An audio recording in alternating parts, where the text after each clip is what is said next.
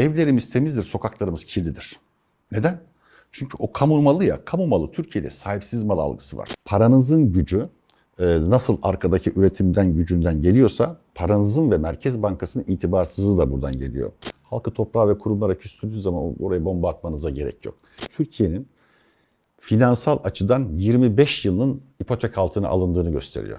Ekonomi çark dişlisini yağlayacağınız yağ, yağı kaybettik. Bir sürü sıkıntı yaşayacağız ama halledilecektir. Hocam varlığı bir dert, yokluğu bir dert hikayesi ama senin güzel bir sözün vardı. Tam detaylarını hatırlamıyorum. Yokluğu çeneye vurur diye. Biz son 10 yıl, 10 yıl bir dinden bahsediyordu bu konuyla alakalı. Yokluğu Din çeneye vurur. cinsellik para abi. Din cinsellik para. Hayatta yoksa çeneye vurur. Çok Aynen o hikaye. Biz 10 sene belirgin bir şekilde çenemize vurdu. Yani ve gittikçe de şeye artıyor. Frekansın ritmi artıyor. Hocam Dursun Ali hocamıza soralım. Bu 128 milyarı neden biz bu kadar uzun süredir konuşuyoruz ve paranın yokluğuyla alakalı neden bu kadar büyük bir derdimiz var devam eden e, şeyin içerisinde. Araba nerede, Hadi para nerede konuş. Aynen şeyi öyle. Şimdi biraz önceki bir uygarlık döngüsünde bir tablo çizmiştik. Ee, Türkiye'de ve bütün ülkelerde olduğu gibi bilinen milli paraların sahibi, efendisi Merkez Bankası olduğuna göre bu e, Türkiye Cumhuriyet Merkez Bankası bu uygarlık döngüsünün neresinde bir ona bakalım isterseniz. E, felsefe dedik, düşünceden düşünce üretmek dedik, e, bilimin temeli dedik. Merkez Bankası tabii ki mutlaka bununla e, ilgili olmak zorunda. İşte bilim dedik, üniversite mezunu olmayan en basit tabirle kapısından giremez hani çalışmak için. Arkasından e, para dedik, zaten parayı basan e, tek yetkili kurum. E, arkasından hukuk geliyor. E, hem para mevzuatını e, yoğun şekilde düzenleyen e, Merkez Bankası tabii ki hukukla da ilgili olacak. E, sanat ve kültür demiştik. Sanat ve kültüre baktığımızda e, bir ülkedeki para tasarruf kültürü, tasarruf alışkanlığı, paranın dizaynından tutun buraya kadar Merkez Bankası'nın ilgi alanına girmesi gereken konular. Yani bu döngünün içerisinde e, Merkez Bankası'nı Hakikaten konumla- konumlandırmak çok kolay. Tasarımlar geldi şimdi aklıma. Neyler? Hiç böyle bakmamıştım yani. Paranın kendisi sanat ya da biraz Tabii karışık tabii. tabii. Tabii. Yani e, çok iyi maaş alıyor o şey. Değil mi? Tabii bu arada. Merkez Bankası kimin? Merkez Bankası hazinenin, Türk hazinesinin. Türk hazinesi kimin? Türkiye Cumhuriyeti Devleti'nin. Tüzel kişine ait. Anladım. Türkiye Cumhuriyeti Devleti'nin hakkı hükümeti yani. Normalde E, hükümet kullanıcı, geçici olarak temsilci diyebiliriz hükümetler. Devlet kalıcıdır, hükümetler geçicidir. O yüzden denir. yani biraz uzun bir yolla Merkez Zaten- Bankası ve hazine benim. Evet.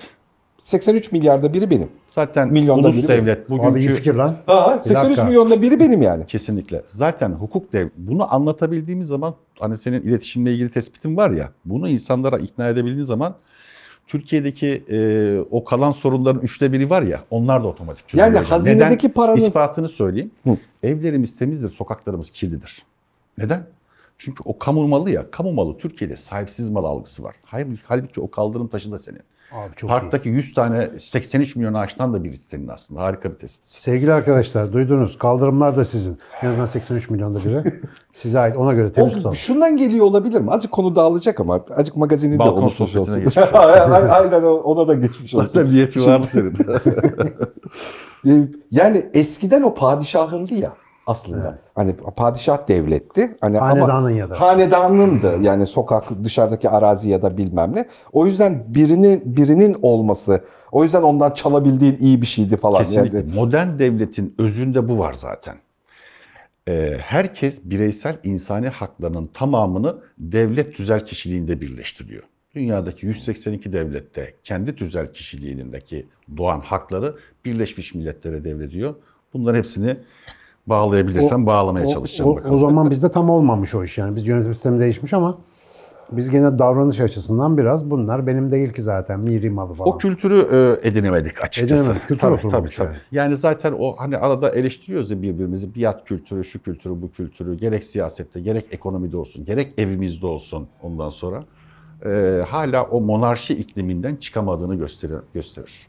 tamam. Bu bence iyi bir çek işaretiydi. Evet. Yani gerçekten fiziken Merkez Bankası'ndaki paranın 83 milyonda birinin bana ait olduğunu bilme de bir başlangıç bence. Kesinlikle. Burada e, elimden geldiği kadar e, felsefenin dili olan mantık bilimine bağlamaya çalışacağım. Şimdi biraz önce bütün bilimlerin, bütün e, çabaların karşılığında, toplumsal çabaların karşılığındaki amacımız insanın insanca yaşamasına e, yardımcı olmak ve bunun yollarını bulmak demiştik ya. Bunu Aristoteles 2500 sene önce çok güzel dizayn etmiş ve hala üzerine çıkabilmiş bir e, düşünce zinciri yok. Diyor ki ee, organik hayatın temeli beslenme ve üreme üzerine kuruludur. Bu bütün bitkilerde vardır. Eğer bunun üzerine duyuları ve duyguları eklerseniz hayvan türünün sınıfına ulaşıyorsunuz. İnsan olmak için diyor bu beş yeteneği, bu beş beceri bir şey daha eklemeniz gerekiyor diyor mantık. Mantıkla Merkez Bankası'nın ne alakası var? Bunu anlamak için Merkez Bankası'nın hani her türlü e, günlerdir konuşuluyor. Biz başka bir şey söylemeye çalışalım. Merkez Bankası bildiğiniz üzere bütün ticari ve yatırım bankalarının e, babası, efendisi. Evdeki bir sürü çocuklar olduğunu düşün. Evde bir tane babası var bunların söz hakkı olan. O yüzden e, merkez bankaları ekonomide bir problem olduğu zaman kimi merkez bankaları evde sorun çıkınca sopayla gelen baba gibi gelir, müdahale eder piyasalara. Döviz alır, döviz satar, faiz indirir, faiz e, düşürür. Onları konuşacağız birazcık. Bazı baba da vardır, itibarı vardır. E, itibarlı ve lafı geçen baba sadece kafayı uzatır. Şöyle ne yapıyorsunuz der, gazetesini okur. Şöyle kafayı çevirdiği zaman sessizlik olur. Değil mi? Çocuklar der ki "Lan yaramazlık yapıyoruz, efendi olalım. Gerçek Merkez Bankası aslında dünyadaki Merkez Bankası algısı budur. Yani piyasada döviz birdenbire yükseldi veya bilmem ne olduğu zaman e, itibarlı Merkez Bankası sadece telefon açar piyasaya. Ne yapıyorsunuz, ne oluyor falan dediği zaman bir şeyler durulur. Çok Türkiye'nin bunu Piyasa- başardığı Piyasaya telefon açar dediğinde mesela kime telefon açar? bankalara telefon açıyorsun. Bankaların kambiyo bölüm var eğer dövizle ilgiliyse. Oralara telefon açıyorsun. GME'lere telefon açıyorsun. Ne oluyor diye soruyorsun. Dünyadan örnek veriyorum. Türkiye'de böyle bir şey yaşanmıyor. Anladım, anladım, anladım. O yüzden bize yabancı geldi. Ben çok Ha, yani. şey yapamadım. Gelişmiş ülkelerin şimdi şöyle bir sorun var. Ee, gelişmiş ülke mesela İngiltere'nin döviz sorunu yok. İngiltere'de bir yatırımcı mesela aa ben şu yatırım yapacağım ama dolar yükselirse ne olacak falan gibi bir kaygı taşımıyor. Adam hatta Euro'dan ayrılıp işte sterlinde kalıyor ya mesela. Bunun sebebi o. Türkiye gibi gelişmekte olan ülkelerin problemi hem halkının hem reel sektörünün hem Merkez Bankası'nın sorunu. O soruna gelmeye çalışacağım. Merkez Bankası'nın hakim olduğu para hazinenin adına nakit para basıp piyasaya sürüyor ya. Biz sadece para algısında e, onu anlıyoruz ama o nakit. Para başka bir şey. Her nakit para ama her para nakit değil. E, Türkiye Cumhuriyeti'nde şu anda e, 25 milyar dolar karşılığı nakit para var. Ama toplam kaydi para benim kitapta sanal para diye adlandırdığım paranın toplamı e, bu haftaki rakamlar 415 milyar dolar. Yani toplam paranın %5'i bile değil bizim para diye zannettiğimiz şey aslında. O yüzden para ontolojiktir derim ben. O yüzden para kurgusaldır. O yüzden para psikolojik bir kurgudur derim. Öyle olduğu için Merkez Bankası'nın şöyle kafasını çevirip şöyle kaşını kaldırması yeterli olmalı. Ama Türkiye Cumhuriyeti Merkez Bankası bunu yapmakta zorlanıyor. Sebebi şu. Mantığa bağlamaya çalışıyorum ya. Mantık nedir? Bir de ondan bahsedeyim kısaca. İbn Haldun çok güzel tarif eder mantığı, özetler. Sebep sonuç zincirini kul- kullanarak doğruyu yanlıştan ayırt etme becerisidir der. Ee, buna mesela dünyanın en büyük dahilerinden kabul ettiğimiz Einstein bile e, hayrandır ve bu yetenekten mahrum olduğunu düşündüğü için mesela Amerika'da işte Princeton'da ders verirken kendisinden 25 yaş küçük bir mantık dahisi olan Kurt Gödeli her gün sabah evinden alır, okula götürür beraber. Akşam da onun dersinin bitmesini bekler. Kendisi iş erken bittiyse onu almadan e, çıkmaz, onu alıp evine bırakır. Şöyle anekdotlarda tüylerim tiken tiken oluyor ya. Ya Einstein, Einstein düşünsene Gödeli Nobel ödülü, ya. Nobel ödülü almışsınız. Dünyadaki o ara taptasınız yani bilim insanı olarak herkes size hayran. E, Bir tane deli yani Kurt Gödel dediğin de aslında dahi derken bir yerde da deli aynı zamanda. E, Böyle bir geçimsiz psikopat bir insanla her gün niye şoförlüğünü yapasınız? Resmen çanta taşıma tabiri deriz ya. Çünkü bütün o e, hani ışık yüzmesini e, şeyden e, Sina'lardan 100 sene 900 sene sonra tartışırken orada bir mantık zinciri kurması lazım. Fizik bilmesi yetmiyor, bilimle uğraşması yetmiyor. Bu sebep sonuç zincirini kurabilmek için adamın peşinde geziyor. Yoksa keyfinden gezmiyor. Bu mantık biliminin bir formülü var. Ee, diyorlar ki size aktarılan bir bilginin zıttını aldığınızda sonucun zıt çıkması lazım. Yani beyazdan artı 4, beyazdan yola çıkarak artı 4 rakamına ulaşıyorsanız siyahtan yola çıktığınız zaman eksi 4 rakamına ulaşmanız lazım. Şimdi bu zinciri iyi kurgulayan bir insanın bir kurumun ya da bir devletin kandırılması imkansız.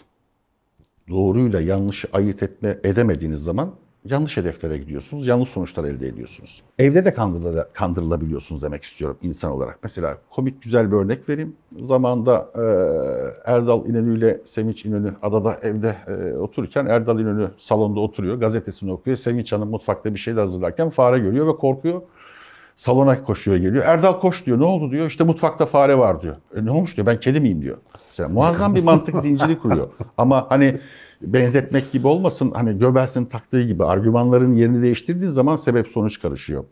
Sizin e, sorduğunuz soruda e, bizim ülkemizde işte Merkez Bankası son 3 yıldır, e, son 3 aydır özellikle neden konuşuluyor? E, rezervler vardı. Ne oldu eridi gittiği zaman e, dedi diye sorduğunuz zaman ben bu e, mantık zincirinden e, bakmaya çalıştım ki herkes kendi kararını versin. Çünkü yeterince de politize oldu bu e, tartışmalar malum. E, o zaman birazcık Mer- Merkez Bankası'nda ne olduğuna bakalım e, farklı bir şekilde. Merkez Bankası son 20 yıldan beri e, bağımsız kurumlarımızdan bir tanesi. Bir tek o değil, BDDK'sı var, bilmem nesi var. Bir sürü bağımsız kurumlarımız var. Senin de biraz önce konuşurken merak ettiğim bir şey, bir kurumun bağımsızlığını üç tane olgu oluşturuyor. Bir, kendi bütçeni oluşturabilmen lazım. Yani kendi gelirini elde etmen lazım senin en büyük hayalin. Bunu elde ettiği zaman senin oluşturduğun kurum bağımsız oluyor. İkincisi, kendi mevzuatını kendi yazabilmen lazım. Üçüncüsü de kendi iç atamalarını kendin yapabilmen lazım. Kendi alacağın adama kendin karar vere- verebilmen lazım. Bu üçü sende varsa bağımsız bir kurum oluyorsun. Peki Merkez Bankası'na biz bağımsızlığı 20 yıl önce atıyorum. Niye verdik? Çünkü e, çok önemli bir görev e, işlenmiş toplumda. Yani 150 yıldır, 160 yıldır tartışılan bir şey bu dünyada. E, bunun sebebi şu. Hani biraz önce dedik ya e, Merkez Bankası hazinenindir e, aslında. Bütün söz yetkisi onu da temsil eden hükümetindir. E, Merkez Bankası'nın en büyük görevi hep duyarız. Fiyat istikrarını sağlamaktır. Fiyat istikrarının e, enflasyonla e, karşılaştı. Enflasyon olarak anlayabilirsiniz. Doğrudur. Yanlış bir tanımlama olmaz. Bu şu demektir. En basit haliyle anlatırsak.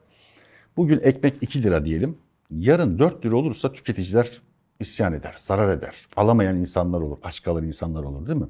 Ama aynı zamanda ertesi gün 1 liraya düşerse de piyasada ekmek bulamayız. Çünkü bu sefer fırıncılar, üreticiler zarar eder. İşte fiyat istikrarı dediği her yıl şu anda dünyada kabul gören rakam genel olarak yıllık %2 e, artması ekonomi için iyidir e, denir enflasyon fiyat artışları. Ama fiyatların birden çok artması kadar çok düşmesi de zarardır. Ekonomiye zarar. Tansiyon gibi düşünebilirsiniz e, fiyatların. E, o yüzden aylık enflasyon rakamları falan açıklanır. Şimdi Merkez Bankası bu dengeyi sağlayamak, sağlaya tansiyonu, piyasanın tansiyonunu sağlayabilmek için 3 tane temel araç kullanır. Ee, işte bankalardaki muzzam karşılık oranlarını artırıp eksilebilir. Piyasaya para verebilir, para basıp emisyon artırabilir ya da kısabilir. Emisyon dediğiniz şey arabanın emisyonu var ya onun gibi. Fazla yapmadığın zaman e, içeride boğuluyorsun veya motor bozuluyor mutlaka bir şey oluyor bir zarar veriyor onun gibi düşünün. Ee, amacım gene burada sevdirmeye çalışmak. Ee, Sinan hocama Yo, ben bakıyorum bayıldım, ara- hiç arada o problem yüzden. Tabii. Ee, Bir şey ama sorabilir miyim arada teknik? Niye sabit kalması iyi değil de hafif artması gerekiyor? Yani bu ham madde konusuyla falan mı Artması alakalı? gerekiyor demeyelim de aslında şöyle %2 artışa kadar piyasalar bunu tolere edebilir. Kötü bir şey değildir. Ya bu doğalında var o artış. Doğalında var tabii tabii. %2'lik bir büyümede bir sıkıntı yok diye e, şey yaptık. Doğal bir büyüme diye. E, Evet. E, kim Ha tabii bu bir de alım gücü de artıyor orada. Büyüme de oluyor çünkü Tabii tabii tabii. Hem nüfus Aynen. artıyor, alım gücü artıyor, insan sayısı artıyor. Zaten bugün bütün problemler son 200 yıldır konuştuğumuz e, şeylerin temelinde bu var. Yani sanayi devriminin e, gelmesi. Şimdi e, şöyle bir şey. Bir de Merkez Bankası bu piyasalardaki harareti söndürmek için ya da çok donuksa onları harekete geçirmek için kullandığı enstrümanlardan bir tanesi de faiz. Faiz oranları artırırsın ya da düşürürsün. Piyasa kendine göre bir dengeye getirsin. E, döviz alım satımı işte çok konuşulan bizi de e, belki ilgilendiren gündemindeki konulardan birisi. Gel normalde Merkez Bankası'nın ana işlevleri, ana görevlerinden bir tanesi değil. Ama mecbur kalınca yapmak zorunda. Dünyadaki merkez bankaların tanımında yok bu. Türkiye gibi gelişmekte olan ülkelerin tanımında var. Neden var? E, ona geleceğim. E, çünkü Türkiye Cumhuriyeti'nde o toplam biraz önce 415 milyar dolar karşılığı TL var demiştik ya para. Nakitle beraber para toplamının yarısından fazlası bankalarda, BDDK bunu her gün açıklar, maalesef dolar olarak tutuluyor. Yani akıllısından delisine, bilgisinden e, Cahil. cahiline, zengininden fakirine herkes dolar tutuyor. Bunun anlamı şu. Ben Türkiye Cumhuriyeti vatandaşıyım ama ülkemin parasına güvenmiyorum demek. De göstere göstere. Resmi olarak da. Bu rakam sadece bankadakiler. Bunun içinde cebimize tuttuğumuz, kasada tuttuğumuz, işte yastık altı dediğimiz Yastık yerde meşhur, tuttuğumuz, hatta e, çekip büyük şeyler, gömenler, e, bu paralar bunlar hariç. Şimdi e, Merkez Bankası e, Bu arada Türk- para gömen hala var mı? Var var. var. Olmaz Vallahi tabii, mi? tabii. Ne süpermiş. 10 milyon dolar falan olmadığı belli oluyor hocam da yani o kadar. Para gömen. Çünkü bankalarda hocam duran mevduatın belli bir kısmı garanti altında. Tam hatırlamıyorum ama 150 bin lira satıyorum bir yere. 250 bin lira olsun diyelim 10 trilyon paranız var. İlla bir kısmını çekip bir yere saklarsınız. Çünkü banka batarsa paranız gidiyor. Bir de belli bir ölçeğin üzerindeki parada artık başka organların hakkı var. Yani çok devletin vesairenin falan hakimiyeti var. Denetimde tutamıyorsun. O yüzden o parayı yani yarın öbür gün siyaseten ya da yaptığın ticareten birileriyle papaz olursan farkında olmadan devlet diye basabiliyor. Devlet ya da el koyma ko- dediğimiz koyma yani. koyma Tamam. gibi olabiliyor. O yüzden dışarıya para çıkartmada, evde para tutmada, varillerin içerisinde ambalajlayarak para tutma bir yöntemdir. İnşallah. Bakalım Teknolojisini bir şey görmek nasip olmasın. Para sayma şey makinesi, vakum makinesi, battaniye vakum makinesi, iyi kalın poşet ve varil. Bir de Yani uzak bre- akrabanın arazisi. Breaking Bad gerçek yani. Varillerle Hep para aklıma o gömüyor. sahneler geldi. Ee, 80 milyon doları kaç? 10 tane falan var ile sığdırmıştı. Evet yani. evet. Enteresan. Yazık ya. Şimdi Türkiye'deki şu sorunu anlayalım. Döviz problemi, döviz fiyatlarının artması, düşmesi e, reel sektör bakımından ve bankacılık sektörü bakımından Türkiye gibi ülkelerin problemi. Peki vatandaş burada nereden etkileniyor? Türkiye'de enflasyon diye bir şey var. İşte fiyat istikrarını ölçme yöntemi dediğimiz fiyat istikrarını ölçen e, birim, ölçü birimi. Mesela şu anda %20 enflasyon olduğunu düşünün. Kenara koyduğunuz 100 lira 5 yıl sonra alım gücü 50 liraya düşüyor. İnsanlar bunu istemezler değil mi? Elbette. Bunun için ne yapıyor? Ya faize yatırıyor, ya dövize yatırıyor, ya işte başka bir şey almaya çalışıyor. Şimdi e, Türkiye'de peki döviz problemi neden var? Bunun en temel e, sebebini söyleyeyim veya tartışabiliriz de. Balta Limanı Anlaşması'ndan beri Türkiye'nin dış ticaret açığı var. Ne demek bu? İthalatı ihracatından fazla. Bunu şöyle düşünebilirsin hocam. Her gün her ay cebine 10 lira geliyor, 20 lira çıkıyor. Bunu nasıl kapatman lazım? Bu açığı kapatman lazım. Ya gidip Mustafa abiden borç alacaksın, ya benden borç alacaksın, ya ekstra işler yapacaksın. Başka şekilde para kazanmaya çalışacaksın. İşte bu dış ticaret açığına ülkeler durumlarını hesaplarken turizm gelirlerini ve giderlerini arasındaki farkı, işte hizmet gelirleri giderleri, yurt dışından e, gurbetçilerin e, Türkiye'ye gönderdikleri paraları altıp koyduğu zaman buna da cari açık diyoruz veya cari fazla. Türkiye aynı zamanda cari fazla açık veren de bir ülke. Bunun anlamı şu. Her gün dövize ihtiyacım var demek. Her an dövize ihtiyacım var demek. Çok kötü bir şey bu. Korkunç bir şey bir ülke için. Yani sen ne kadar Merkez Bankası da başkanı da olsan Merkez Bankası'na dünyada en iyi para yönetebilecek adamsın. Ama senin ülken cari açık veriyorsa sürekli bunda savaşman lazım. Yani ana enerjin buraya gidiyor zaten e, baktığın zaman. Yani bizim Merkez Bankası başkanlarının habire değişmesi gibi şey o kadar kolay bir şeyden olmuyor. Yani arkada şey mantıklı gerekçeler var baktığın zaman. Çok zor bir şeye giriyorlar. Hani herhalde 10 tane yetenekli adamdan 9'u istemez Merkez Bankası Başkanı olmak. Gerçekten ateşten gömlek giyiyorsunuz çünkü. Şimdi peki insanlarımız neden kenardaki 10 lirasını 20 lirasını hep böyle dolara bir şey yatırmak istiyor? Söyledik bunu enflasyondan dolayı dedik. Çok pragmatik bir şey. Hatta çok milliyetçi bir parti bile 2 sene önce bir baktım acayip dolarlar bozmuştu değil mi?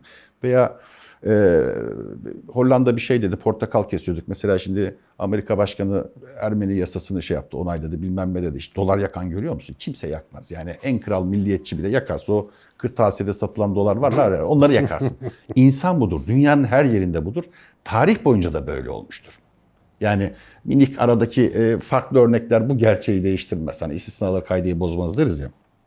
Şimdi e, dikkat ederseniz Merkez Bankası hem cari açığı olan hem dış ticaret açığı olan iki tane büyük tsunami ile uğraşırken bir de vatandaşın parasının değer kaybetme korkusundan dolayı sürekli döviz talebine karşı koymak durumunda. Bunu yapabilmesi için faizleri artırması gerekiyor. Çünkü diyeceksin ki döviz alma, ben döviz enflasyon e, paranın değer kaybettiği enflasyon üzerinde sana paranın değer kaybını e, ödüyorum demesi lazım. Yani yatırımı faiz aracılığıyla kendi parasına Evet, yönlendirmek için evet. oluyor. Hem de piyasanın içine yani tanımlı bir yere de çekmek istiyor. İki tane sebebi var. Çünkü para korkunç bir enerjidir demiştik ya. Ee, Bütün devletler şu anki bütün modern devletler e, bankacılık sistemine giren bir kuruşluk şeyin bile izini yıllarca sürebilir. Asla kaybolmaz. Yani okyanusta bir adayı kaybedersiniz ama en ufak bir havalenin EFT'nin kaydını kaybedemezsiniz. Yani e, mümkün değil. Ee, özellikle bu Swift dediğimiz işlemler dolarlar da dolarla yapılan bütün e, ödemelerde maalesef önce Amerika'ya gider ondan sonra gitmesi gereken yere gider. Yani siz bugün Merkez Bankası dolar sattı, aldı, kim aldı, kime sattı zaten bunun hepsinin bilgisi kaydı adamların elinde vardır. Onun bilgisayarı, onun internetini, onun programını, onun kurduğu işte e, Altyapıyı kullanıyorsun. Altyapıyı kullanıyorsun. Kavramlar onun, bilmem ne onun ondan sonra. Şimdi e, Türkiye'deki problem veya şu Merkez Bankası'da konuşulan problem burada ortaya çıkıyor hocam. Ne demek bu? Faiz dediği zaman e, hükümetin ideolojik olarak buna bir tepkisi var. Bir rezerv koymak istiyor. İki, döviz fiyatları art- artınca haklı olarak bu sefer e, reel sektörün ve toplumun buna bir şeyi var. Çünkü döviz birden yükselince herkes korkuyor. Ekonomi battı, çıktı mı falan diye. Merkez Bankası ve hükümetin iki tane dikkat ettiği ana konu bu. Yani buralarda fazla silkelenme oldu mu oy kaybediyorsun, hakaret yiyorsun. İnsanlar gerçekten fakirleşiyorlar. Çünkü topluma yansıyan da e, boyutları var. Şimdi bu noktada e, tartışmanın özünü benim anladığım söylüyorum. Türkiye'deki belli bir e, kesim faize karşı, belli bir kesim de faiz istiyormuş gibi algılanıyor. Ama bakın tarih boyunca hani kendi yaptığım okumalardan ve bugün insanları dinlediğin zaman şunu kaçırmaması lazım. Toplumun iki tarafı yani bu tarafta ve bu tarafta olmaması gerekiyor. Bütün dinler, bütün ideolojiler, bütün sistemler yani kapitalizm e, hani faizi koruyan bir şey gibi algılanır. Veya sosyalizm hepsi faize karşıdır. Faizin kötü bir şey olduğunda dünyada faizi olumlayan hiçbir şey bulamazsın. Ekonomiye zarar verir. Şimdi bizdeki problem şu. Bir ekonomide işler kötü gidiyorsa bu faizden dolayı mı oldu? Yoksa işler kötü gittiği için mi faiz ortaya çıktı?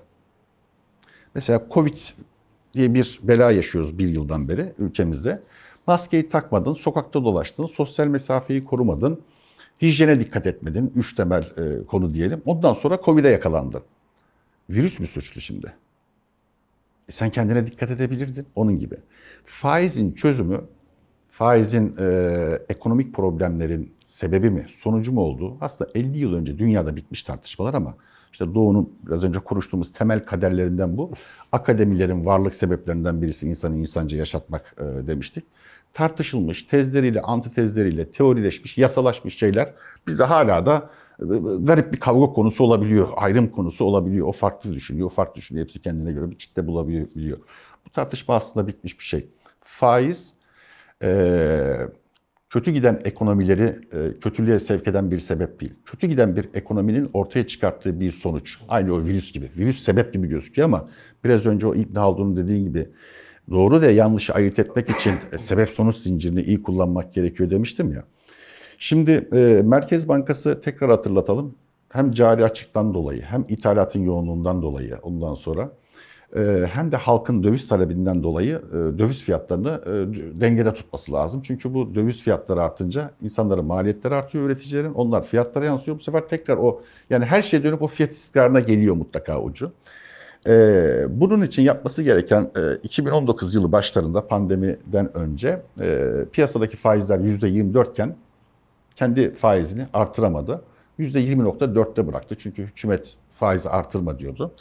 Ee, fakat kaçırdığımız bir şey var toplum olarak. Yani bu, burada bir yol haritası vermeye çalışmamızın üçümüzün derdinin şu olduğunu biliyorum. Bir yol haritasını verirsek e, herhangi bir ideolojiden ya da bir iktisatçıyı bile dinlerken e, kendi kendimize doğruları daha rahat bulabiliriz. Şimdi benim burada temel hedef kitlem Sinan Hocam. Hani paraya en uzak insanlardan birisi e, aramızda. Kendimi şu anda bir İktisatta kitle gibi hiç- algılıyorum. Güzel oldu. Bırakın finansta, iktisatta, iktisadi finansla falan ilgilenmeyen, paranın kendisiyle bile e, ilgilenmeyen e, hocamız. Şöyle düşünelim hocam, basit bir e, formül vermeye çalışayım. Mesela faiz kötü bir şey değil mi? Şu anda da tek başına bir hükümet var veya yok neyse. Meclisten bir karar çıktı. Faizi kaldıralım ya da sıfıra indirelim. Yapamaz mıyız bunu? Yapabiliriz. Bütün devletler yapabilir. Bütün devletler faizin olmasına, toplumu ezmesine Hatta demin karşı. dediğin gibi bunu istiyorlardı aslında Evet. arka planda. Bunu yaptılar da. 80'lerde yaptık bunu. Banker krizi çıktı. Faizin oranını belirlemeye kalktık. e, kaçakçılar çıktı.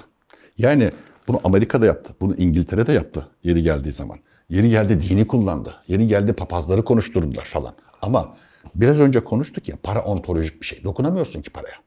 Emir veremiyorsun ki. Burada dur deyince durmuyor ki. O nakit, o cash, o kağıt para, o madeni para. Para başka bir şey. Satın alma Bizim gücü kavram- düştükçe insanlar kazanacak bir yer arıyorlar E tabii yani e, mecbursunuz buna. Çoluk çocuğunuzu geçindirmek için, kazancınızın heba olmaması için buna mecbursunuz. Kral Sami abinin şeyi var, taksonomide e, çok güzel bir şeyi var, e, dikkat çekişi var. Tanımları ve kavram oluşturmada biraz fakir, biraz tembel, biraz çekingen davrandığımız için Türkiye'de sermayenin başarısını ölçen e, benchmark dediğimiz ya da mihenk taşı dediğimiz o ölçü birine, birimine de artık faiz dediğimiz için tefeciden 10 lira aldın belli bir tarihte 15 lira ödeyeceksin. O aradaki 5 liralık genel olarak geleneksel faiz dediğimiz faiz var ya ama sermayenin ölçü birimi, sermayenin başarısını, performansını ölçen o ölçü birimine de faiz dediğimiz için işler karışıyor zaten. Yani Hayır, sonucu Tabii. aslında yani size burada büyüme oluyoruz. için bir hedef verdik işte bir şirkette kendimize. Onun faizle aslında alakası yok. Onun altı zaten paranın değer kaybı çünkü. Onun üstüne çıkman gerekiyor. İkisi bambaşka şeyler. Ekonomide e, faiz ekonomideki e, kötü gidişi bu kadar etkiliyorsa sebep sonuç e, zinciri içerisinde e, herhalde şöyle bir soru akla gelebilir. E, faizi ortadan kaldıran şey ne? Yani kanunla kaldıramıyorsun, yasayla kaldıramıyorsun. Emirle zamanında padişahlar işte bilmem neler kaldıramamış. Yani Osmanlı'nın kaymelerinde yani ikamelerinde. sen söylemeden Yani kağıt paralarında faiz var üzerinde. aklıma bir şey geldi. Doğru anladın mı diye soracağım. Mesela bizim Türkiye'de Amazon gibi, Google gibi, e, işte Apple gibi 4-5 tane şirket olsa bizim cari açığımız da düşecek. E, Sanki faizimiz de düşecek gibi. Yani İlacı biz bulsaydık hocam şu anda o uygarlık döngüsündeki 6 tane şey var ya 6 dişliden bir tanesini halletmiş oluyorduk. Bu kadar basit. Ama Evet. hukuk fakülteleri niye var? O hukuk bölümünü halletmek için. Kültür sanat niye var? Ora, ora. Üniversiteler niye var? İşte bilimi halletmek için. E, fabrikalarımız niye var? O teknolojiyi halletmek için. ben Yani de onu Türk- söylemek istiyorum. Tabii. Apple niye yok? Evet. O döngü çalışmadı. Evet bu kadar yani. Aynen. Yani mesela şöyle söyleyelim. Apple'ı al buraya getir çalışamaz. Batar- batar, evet. Aynısını Aziz Sancar hocaya söyledik değil mi? Gel hocam dedik. Ne istiyorsan sana verelim. Laboratuvarı getirip kurmam 9 sene sürer dedi. Yani Sıklıkla konuştuğumuz bir konu var ya, yeni üniversite açılışıyla alakalı konuşurken de geçtiğimiz senenin içerisinde. Yani normalde burada fiziki mühendislikte ya da kimya mühendisliğinin içerisinde her şeyi üretebileceğimiz her malzeme var. Yine de o malzemeler nasıl oluyor da bizde çalışmıyor'nun şeyi. Çünkü ben, abi ben bunu üniversitede çok gördüm. Evet. Trilyon para dökülüyordu. Bir sürü alet alınıyordu. Bir contası patlıyordu aletin. 10 sene tatil o laboratuvar. Evet. O contayı bulamıyorsun çünkü. Onu yapabilecek adamın yok burada Evet, yani. evet. Yani iklimi ya da ekolojiyi kurmakla ilgili bir şey. Tohumu bulmak, toprağı bulmak yetmiyor. Onun iklimini, ekolojisini, nemini, doğasını da ona göre ar- ayarlamak Şimdi biz bu döngüdeki bilim e, dişlisine danışalım. Bilim e, uluslararası iktisat e, öğretisi diyor ki faiz e, ekonomilerin kötü gidişinden ortaya çıkan bir olgudur. Peki e, faizin sebebi nedir o zaman diyorsun? Üretimsizliktir diyor. Neden diyorsun? Üretim yapmadığın zaman diyor para kazanamazsın. Para kazanamazsan tasarruf edemezsin. Bazen kazanan da edemez. O ayrı bir şey ama para kazanamazsan borç alırsın. Borç alırsan faiz ödersin. Faiz ödenin iki yakası bir araya gelmez diyor. Şimdi biraz önce konuşmuştuk ya Amerikan dolarının gücü yeşil işte dizaynı bilmem nesinden gelmiyor. Arkasında Hollywood gibi kültürel bir muazzam bir ihracat e, potansiyeli var. Ee, arkasından Pentagon gibi 12 bin kilometre güdümlü füzeli olan, dünyada 950 yakın askeri gücü olan, e, askeri üssü olan büyük bir ordudan geliyor. Sadece adam 1944'te Pasifik'te 3,5 milyon bile asker öldü yani şaka gibi. Türkiye'nin nüfusu kaç yani o zaman düşünebiliyor musun hocam? Üçüncüsü de e, Washington gibi arkada muazzam bir e, siyaset diyemeyeceğim tam olarak ama e, ne deniyordu? Bir protokol dili var. Arkada bir ekip var yani Türkiye ile ilgilenen atıyorum e, bakanlıktan bir arkadaştan öğrenmiştim. 600 tane adam bir birimde çalışıyor mesela e, baktığın zaman. Şimdi dolayısıyla paranızın gücü e, nasıl arkadaki üretimden gücünden geliyorsa paranızın ve Merkez Bankası'nın itibarsızlığı da buradan geliyor. Bizim soru yorum videolarında galiba en çok izlenenlerden bir tanesi bu. Öğrendiklerimizi nasıl akılda tutarız sorusuna ben alakasız bir cevap vermişim. Orada te- temel bilimler çok önemlidir falan diye anlatınca bizim soruları soran Şeyma şey demiş. Hocam soğan kaç para memlekette, ekmek kaç para siz öyle diyorsunuz da bu memleket, memlekette işte meslek sahibi olmasa nasıl soğan alacak falan diye. Ben de oradan bak bu konuyu aslında anlıyormuşum bir yerde. Ya bir ilham gelmiştim. Soğan niye bu kadar pahalı? Biz niye tarım ürününe bu kadar para veriyoruz? Temel bilimlerde çocuk okutmadığımız için bilim yok, araştırma yok. O tohumları üretemiyorsun. Üretemeyince hepsini dışarıdan alıyorsun. O yüzden sürekli daha fazla para vermek zorunda kalıyorsun ve orada söylediğim söze sonra ben de çok hayret ettim aslında. Yani çocuk, çocuğumun istikbali kurtulsun diye garanti mesleklerde çocuk okutma aşkı istikbali olmayan bir memlekette hepimizin aç kalmasıyla sonuçlanacak ve Kesinlikle. Maalesef bunu çok fazla yaşıyoruz işte. O bilim, sanat, felsefe, düşünceye yeterli önemi vermediğinde televizyonlarda günlerce, yıllarca cari açık konuşursun ondan sonra. Bunun başka bir çözümü yok gibi hakikaten. Yani e, enerjimiz kayboluyor. Zaten gelişmiş ülkelerde de bu tar- tartışmalar var ama toplumun %3'ü 5'i ilgileniyor. Çünkü toplumun enerjisini çektiğini, kurumları birbirine düşürdüğünü biliyor. Çünkü bir memleketteki en kötü şey halkın kurumlara ve toprağa küsmesidir. Halkı toprağa ve kurumlara küstürdüğü zaman oraya bomba atmanıza gerek yok. Merkez Bankası'ndaki bu e, soruna dönersek eğer, dikkat edin e, piyasada birdenbire döviz fiyatları, doların e, işte değeri, Türk lirası karşılığındaki değeri artmaya başlayınca e, yapması gereken faiz silahını kullanmak idi. Ancak dediğim gibi hem e, hükümetin e, ideolojik olarak bakmasından, bu konuda rahatsız olmasından e, belki kendileri de inanıyordu. Hani para politikası kurulu var sonuçta oradan bir şey görev yapıyor. Tek başına birisi karar vermiyor buna. Biraz önce bağımsız dedik ya, üç tane şey saymıştık ya. Merkez Bankası'nın bağımsız olmasının temel konusu hükümetten, basından, toplumdan hiçbir şey etkilenmemesi. O yüzden bağımsız aslında. Yani piyasaları rahatsız eden bu. Sen kendine göre kararını ver diyorsun. Sorumluluk da senin, yetki de senin. Hani e, ondan sonra. Merkez Bankası e, faizi artıramayınca mecburen döviz silahını kullanmak zorunda kaldı. Döviz dediğin nedir? Merkez Bankası e, yurt dışından bir yatırımcı geldiği zaman, bir turist geldiği zaman içeride Türk lirasıyla harcama yapacağı için Merkez Bankası'na verir parayı karşılığında TL alır. Merkez Bankası da o emanet durur. Yani şu anda tartışılan işte 130 milyar dolarlık paralar nereye gitti Merkez Bankası'nda dediği şey e, bir buçuk sene boyunca halkın ve şirketlerin ve yabancı yatırımcıların o döviz talebine karşılığında mecbur rezervlerinde kötü gün parası olarak da tuttuğu paraların hepsini harcamış oldu. Bugün o parayı kenara e, tekrar yerine koymaya kalksa e, tabii kurlar yükseldiği için, alırken de kurlar yükseleceği için ama o şeyi kenarda bırakarak en e, hafif şeyle yani e, yapacağı zarar 250 milyar TL daha cebinden para çıkacak. Bu para tekrar e, kapanmaya girdik ya sebebi işte turizm e, sezonunu kaçırmamak o kadar önemli ki Türkiye için. Hani millet turizm turizm biraz basit algılıyorlar e, şeyi ama Döviz rezervinin en büyük kaynaklarından Tabii biri. tabii tabii çok önemli ve net gelir elde ediyorsun yani oradan. Turistler geliyor, 3-4 milyon orada gurbetçiler var. Türkiye'nin her yerinde Türkler. Onlar geliyorlar, tatil yapıyorlar. Ee, sonuçta e, oraya bir tortu bırakıyorlar. Banka hesabı olarak, alışveriş olarak bir para bırakıyorlar ve bunlar milyarlarca dolar yapıyor. Ve çok çok önemli. Yani şu anda turizm gelirinin 2021 kadar önemli olduğu bir yıl e, olmamıştır. Bu 250 milyar dolar daha anlaşılsın diye şöyle söyleyeyim. Bir yıl kapanma yapsak 5 milyon aileye her ay 5 milyon maaş ödeyebilirdik. O kadar büyük bir paradan bahsediyoruz. Ee, bu paranın geri konması aşağı yukarı benim ve genel e, izlediğim, yaptığım hesaplamalara göre Türkiye'nin finansal açıdan 25 yılın ipotek altına alındığını gösteriyor. 25 yıldan önce bu parayı geri koymak e, kolay değil, kolay olmayacak. Peki hani hep deriz ya böyle bir para e, harcandı. Çünkü onu tercih edildi daha doğrusu. Bu bir tercihtir. Piyasanın ateşini söndürmek için e, yapılan bir tercih. Doğru ya da yanlış olduğuna bakmak için bugüne bakıyoruz. Faizler maalesef yine yüksek, enflasyon yine yüksek, döviz fiyatları yine yüksek. Demek ki tercih yanlış. Problem oradan e, ortaya çıkıyor. Ya tartışma oradan ortaya çıkıyor. Peki bu kadar büyük bir hata, bu kadar büyük bir yanlış karar alınmasına rağmen yollarda kimse işte kendini intihar etmiyor, devlet yıkıldı diyemiyoruz. Bunun sebebi nedir derseniz para özelinde uygarlık tarihini değiştiren yazın icadından beri 5000 yıldır benim hayran olduğum bir cümle var. O da 1945'te Birleşmiş Milletler kurulurken e, bir cümle. E, ikinci maddesinin dördüncü bendinde diyor ki bize üye ülkeler başka bir üye ülkenin e, toprağına saldırarak oranın insanını esir edemez, yeraltı, yerüstü kaynaklarını kullanamaz. Bunun anlamı şu, fetih ekonomisi bitti artık bizim tabirimizde. üretim ekonomisi e, başladı aslında demek istiyor.